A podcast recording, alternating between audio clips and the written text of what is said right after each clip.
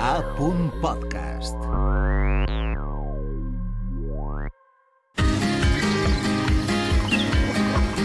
Ben i parlem, un podcast per aprendre valencià amb Aina Monferrer.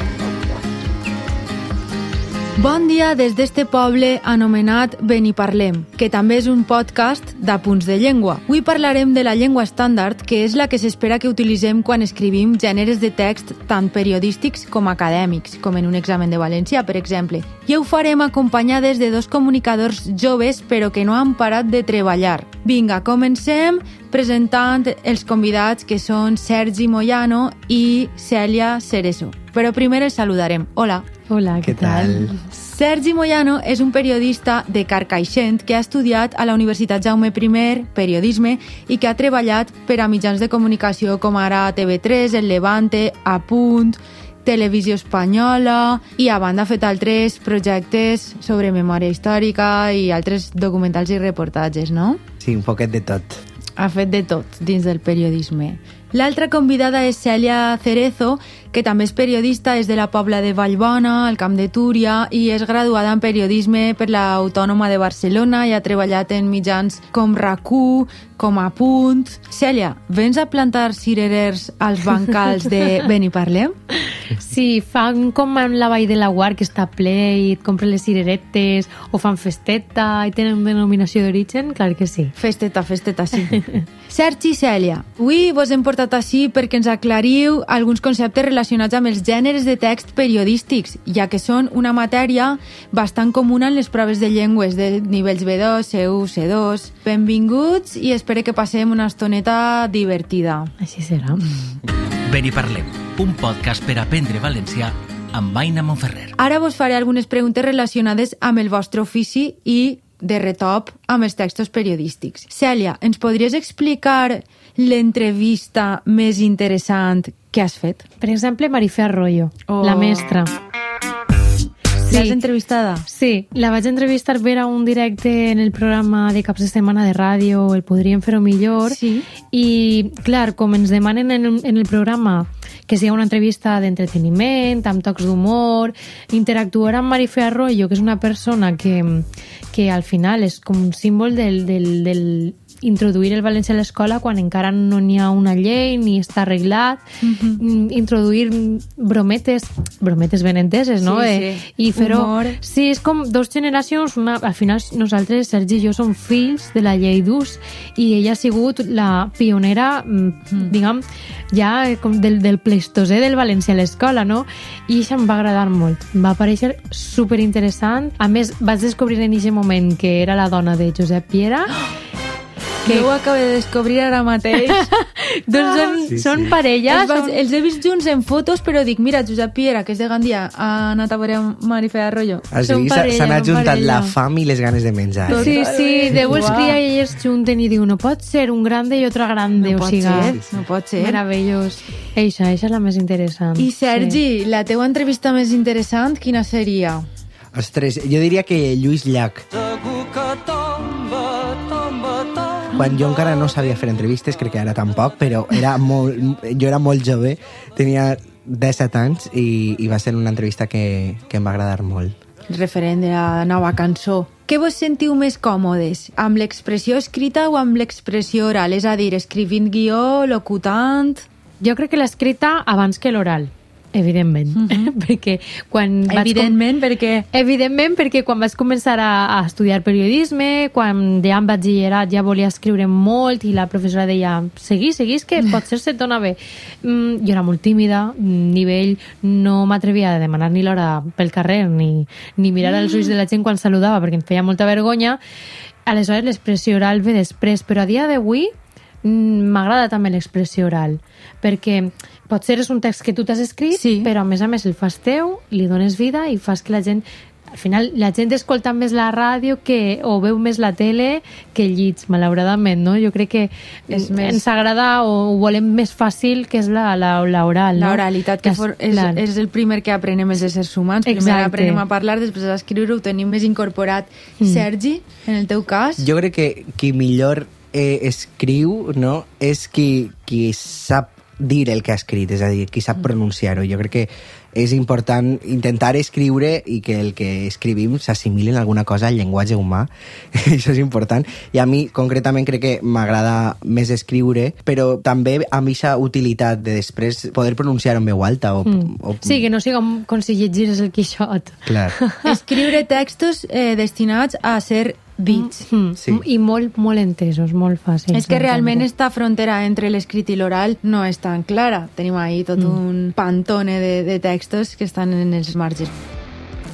Bé, recordeu que els mestres i els periodistes tenim en comú la llengua estàndard, un model de llengua artificial que s'ha creat per a unificar les característiques més generals de la llengua. En este cas seria el valencià estàndard. Què opineu del valencià estàndard? Vos agrada? Feu match amb ell? L'utilitzaríeu en un sopar romàntic? No, sempre se t'escapa eh, eh, jo de dir estic cansada, estic cansà. I que bé que sona dir estic cansà, cansaeta i totes aquestes característiques tan boniques de la llengua oral que em pareix que quan la gent diu no, jo no parle bé, no, tu parles superbé, no n'hi ha ningú que parle malament. Tu parles Correcte. mm, del Clar. teu poble. Estic molt d'acord amb això. A mi m'encanta la informalitat en contextos informals. En una cita és informal. Clar, i és que al final parlar bé és saber adaptar-te al context comunicatiu, és a dir, no vas a parlar-li a ta mare dient-li eh, mare, aleshores gairebé Sí. llavors eh, em podria fer el dinar? Seria No, clar. coent. Molt Clar. senyora meua. Vostè podria fer arròs al forn? Clar. No, mare, fes el arròs, al forn, che. Jo crec que el valencià est- estàndard, com diu un amic lingüista, és el- l'estàndard del castellà. És a dir, d'alguna manera, crec que inevitablement, per la situació eh, lingüística que tenim en este mm. país, malauradament crec que utilitzem sovint formes, construccions semàntiques que, que són un calc de, del mm. castellà, no? A mi hi ha una cosa que em fa molta malícia i és emprar aquest en contextos informals. No, dis Sí. este. En, in, fins Si i tot- eres valencià, en el model estàndard valencià clar, clar, no pots dir quadra. este, pots dir este, pots dir este, esta. I en contextos formals també pots dir clar, este, clar, esta. de fet, així apunt el llibre d'estil és este, esta. Ho intentem fer per, així. sí. per la gent que es prepare Ves. les proves de certificació de cara a l'examen, un mes abans, sí que intentaria aplicar l'estàndard en contextos que no toca, però més que res per una qüestió d'automatització. Però en el dia a dia, que no deixen de parlar el valencià més autèntic i original, i si és damunt del seu poble, millor. I que pregunten moltes expressions a la família, que, que llitgen els llibres d'Eu- d'Eugeni Reig, que, que té ahí totes les expressions del món, que és una meravella. Som Vinga. Team ABL, Sí, totalment. sí, sí. sí no veig ja. al, al final és que moltes vegades ens han ensenyat a escriure d'una manera, quan ens ensenyen els connectors, hi ha gent que vol col·locar un connector cada Sí. tres paraules i, i no és precís, o intentar buscar l'expressió, Mm. la paraula més estranya del món, i no cal, vull dir, hi ha paraules nostres que són perfectament vàlides I per a... formen part de l'estàndard també. Realment, en un context formal com una prova de valencià o com en una peça periodística informativa s'ha d'utilitzar la llengua estàndard, la llengua formal però sí que partint sempre d'uns recursos i d'unes estructures que siguen propis i naturals i, per descomptat, amb la família, amb els amics, en contextos informals, parleu de la manera més geogràficament marcada Sí. i de registre que siga I possible. convertiu-vos en les vostres ties, les vostres ties maris, iaies, i gasteu les seues formes d'adreçar-vos a, a les nebodes. Xiqueta, tot això, aquesta entonació. Sí, ho compartim. Poseu-vos en el paper i absorbiu molt de vocabulari de la família i, no sé, fixeu-vos més. Sí. Avui vos hem buscat perquè volem parlar de textos escrits periodístics, perquè com ja sabeu formen part de moltes proves de valencià, sobretot de nivells B2, C1, C2, i vosaltres sou experts a redactar textos periodístics com cal. Veritat que sí? Com cal, com Ho- ho caldria, ho intentem. intentem. Ho intenteu. Mi- Mira, me'n vaig adonar un dia, m'ho va dir un, un professor de València que vaig tindre per a preparar el meu C2, que un dels textos que vaig escriure en una revista van eixir a un llibre. Un manual. I un professor de valencià m'ha dit que algunes coses Ostres. les ha ficat per a la Junta Qualificadora de Recursos Ja veu. Sonors i Escrits. I dic, xica, m'agrada. Després em va costar traure'm el C2, Però- però vaig faig recursos que els, els fan servir. Una paradoxa. Sí. Doncs a veure, parlarem dels gèneres de text periodístics notícia, article d'opinió i article de divulgació científica. Tot i que ens hi centrarem en la forma escrita, ja sabeu també que podem trobar-ne equivalents audiovisuals d'aquestes peces, no? El primer gènere de text, la notícia. El primer que et diran per a redactar una notícia és allò que has d'explicar les 5 W, no? El what, who, when, where, why... És a dir, què, qui, quan, on i per què. Això és el primer que he trobat a Google, però això encara s'estila o és una miqueta caspós? Uh, jo crec que més que les 5 W és el lead, que és el primer paràgraf que diuen que és el que és notícia. El ítem a partir del qual es desenvolupa tota la història. A veure, si et demanen d'identificar-ho, és fàcil identificar-ho. Uh -huh. El subjecte implica el qui, els altres complements de lloc és el on, el quan... No és complicat. Jo crec que en aquest sentit identificar això no és complicat. Si l'important és el qui, es dirà el qui.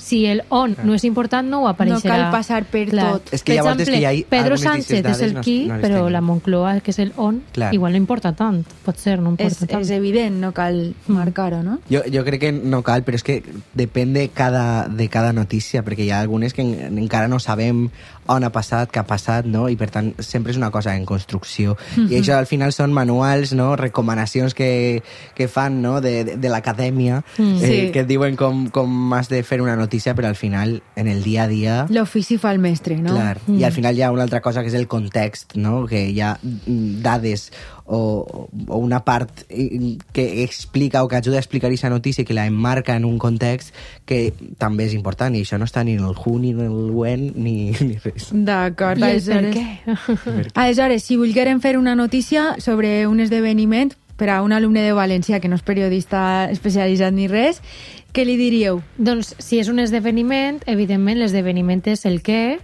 però també és l'on, no? Mm. El- L'esdeveniment, quin esdeveniment i on? Per exemple, un esdeveniment esportiu és futbol, d'acord, i on s'està fent aquest esdeveniment? És l'on.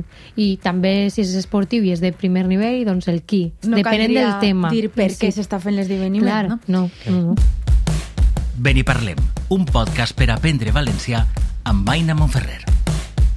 Passem ara al segon gènere periodístic que tractarem avui, que és l'article d'opinió, el famós article d'opinió. Un article d'opinió és no quan comentem el que passa, sinó la nostra interpretació d'allò que passa. En principi, la barrera entre notícia i article d'opinió hauria d'estar molt clara, però de vegades tenim objectes com els titulars sensacionalistes en què es, es mesclen gèneres.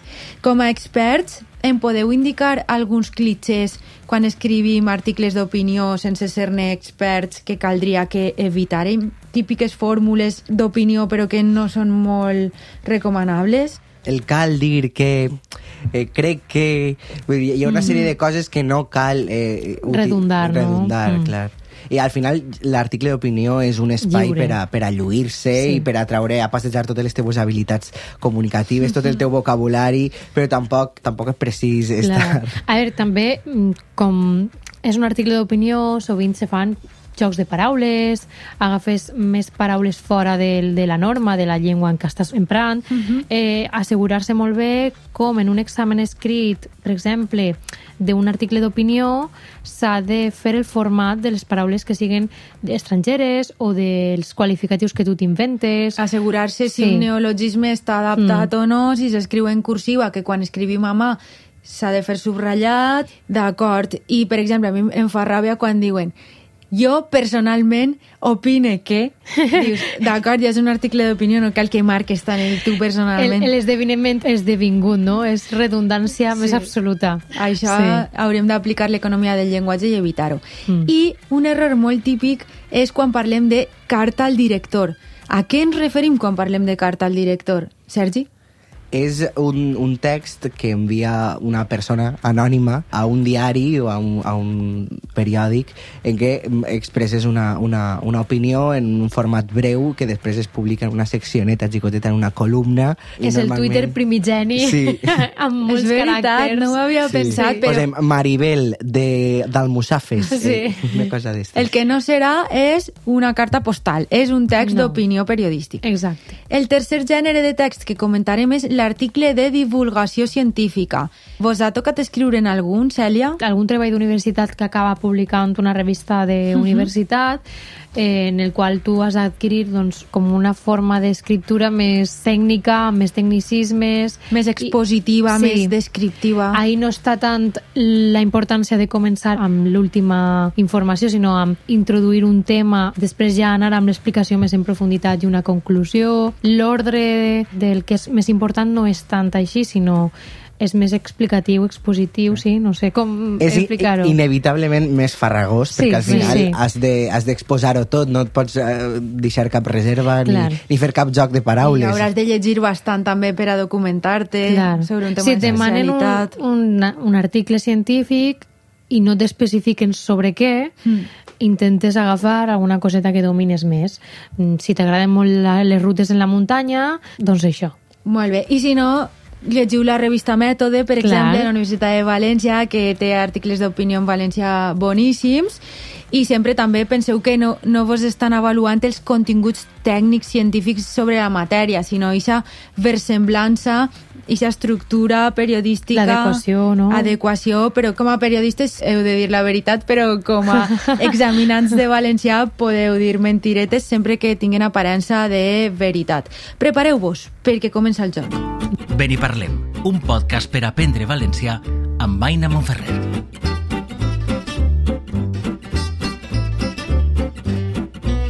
Bé, ara el que farem és escoltar fragments d'un programa de ràdio i de dos programes de televisió. El primer que heu d'intentar endevinar és de quin gènere de text periodístic es tracta. A més, heu d'explicar en quins indicis vos baseu per a dir-ho. També podeu endevinar, si és possible, a quin mitjà de comunicació pertany això que escolteu o qui podria ser-ne el locutor, locutora... Entesos? D'acord. Comencem endevina, endevinalla. Bon dia! Desperta Catalunya, són les 8. Som al matí de Catalunya Ràdio. I no m'estranya que bulli la xarxa després de veure Ciutat Morta. I bullirà. I bullirà també la. Què pot ser? Jo crec que, a veure, eh, ha sigut professora meua, Mònica Terribas, de Catalunya Ràdio, i... Ai, sí. Sí, Que vas estudiar a, a La Barcelona Pompeu també, Fabra, a la Pompeu no? Fabra, sí. Una estada, seria. Sí, i ella era una reina de, dels, dels editorials, de les portades, de com arrancava cada dia dient bon dia i d'alguna manera oferia la seva visió de, del que està donant l'actualitat, no? I evidentment és, un- és, són textos eh, molt... Molt informatius, no? I, però també tenen aquesta part d'interpretació, d'opinió. Sí. sí, és que últimament les ràdios generalistes en català en Sí. Catalunya, tant la privada, la RAC1 com la pública, Mhm. cada volta ixen més de la formalitat estricta dels informatius, donen opinió més de notícies, posen música, moments de pífies, però sí, és un format notícia, no? És... Seria paregut a un article d'opinió, però mm, locutat a ràdio, en la ràdio? Sí, eh, és, és semblant, però clar, també té este caràcter informatiu, no? És com un editorial. És, com, és, un, és un editorial en què, en què contes un poc els fets, és a dir, no opines directament, sinó que poses una miqueta de context i dones una visió de, de, de què et sembla, no?, el que està passant. Entesos. Prepareu-vos que ve el segon. En temps d'hivern, bona sopa i vi calent. I a les 3 en punt cada dia, de dalt a baix per a la bona gent. Des de Castelló de la Plana, València, Alacant i Elx Crevillent, creuant les zones valencianes com un vaixell... Això és de l'any de la picor. Toni però- Mestre. Sí, és Toni Sí, Mestre. Toni és de, Mestre. de dalt a baix, el primer programa de ràdio en valencià de la història. Sí, sí. Mare I què era? Canal 9, això? No, això era Ràdio Nacional, crec que en un primer moment Ràdio Nacional d'Espanya. Que sabut que eres. Eh? Això era de la ràdio pública espanyola, no he trobat exactament la data perquè és com una peça promocional, però este programa va existir del 74 al 89. Mare I el presentador, efectivament, molt bé, Toni Mestre. Toni Mestre. Que els estudis, de- un- el- l'estudi 1 de la ràdio de punt es diu Toni Mestre. Sí, correcte. Mm. Passem al tercer àudio. Bona nit. Bona nit. A quin grup sou? Som de les màquines i en principi no anem a cantar en trio perquè no mos paguen i com, Home. vol, com volem ser professionals... Natcher i Concha han fet, tampoc no es tracta que feu així una Sí. actuació, però Home, però, però Natcher, bueno, Natcher ja ho ha dit abans que així el que compta és la pasta i que si no li paguen pues no pot actuar, nosaltres lo mateix. A veure, este, este professional valencià de la comunicació va haver de lidiar amb Manuela Trasobares, ¿no? Aquell, aquella famosa escena en què tira... ¿Por qué? ¿Por, Por- qué? No puedo más que con, va, con va a esta llançar un, sociedad. un got de vidre enmig del el plató. señor en el vidre en el bull. Això és història viva, història. viva dels valencians. Lluc, no? Eh, Com era? Josep Ramon Josep Lluc. Ramon Lluc. No sé Mm. si és carta blanca o... Parle vostè, calle vostè. És carta blanca i és una entrevista al grup Les Màquines i Mm. efectivament presentant Josep Ramon Lluc. Entrevista seria el gènere, Sí, no? sí, l'entrevista. Una entrevista curiosa. Sí, entrevista friki. Friki, friki. Moltíssimes gràcies per haver vingut, Sergi, Cèlia, i gràcies per la tasca que feu, periodística en València. La tasca que és treballar i que gràcies paguen per treballar i per, i per cobrar. Vos seguirem als mitjans i de regal vos faré una abraçada grandíssima que és tot el que puc oferir en estos moments. I per a tancar este podcast m'agradaria citar a Maria Josep Cuenca, que és una lingüista molt destacada de la Universitat de València, que als anys 90 va ser de les primeres estudioses a establir les bases de la gramàtica del text. Cuenca explicava que allò important és aprendre a comunicar-se de manera eficaç en cada situació, per damunt de l'error ortogràfic o sintàctic puntual. Tant els periodistes com totes les persones que busquem assolir un bon nivell de llengua hem de tindre clar el gènere de text que hem d'escriure o de locutar, com hem vist avui. Cal tractar de cometre els mínims errors possibles sabent que la perfecció no existeix, ni quan parlem ni quan escrivim, ni quan ballem una coreografia de TikTok. Gràcies per haver-nos escoltat, gràcies per haver vingut, salut i fins al pròxim Beni Parlem. Adeu. Adeu. Adeu. Beniparlem, un podcast per aprendre valencià amb Aina Monferrer.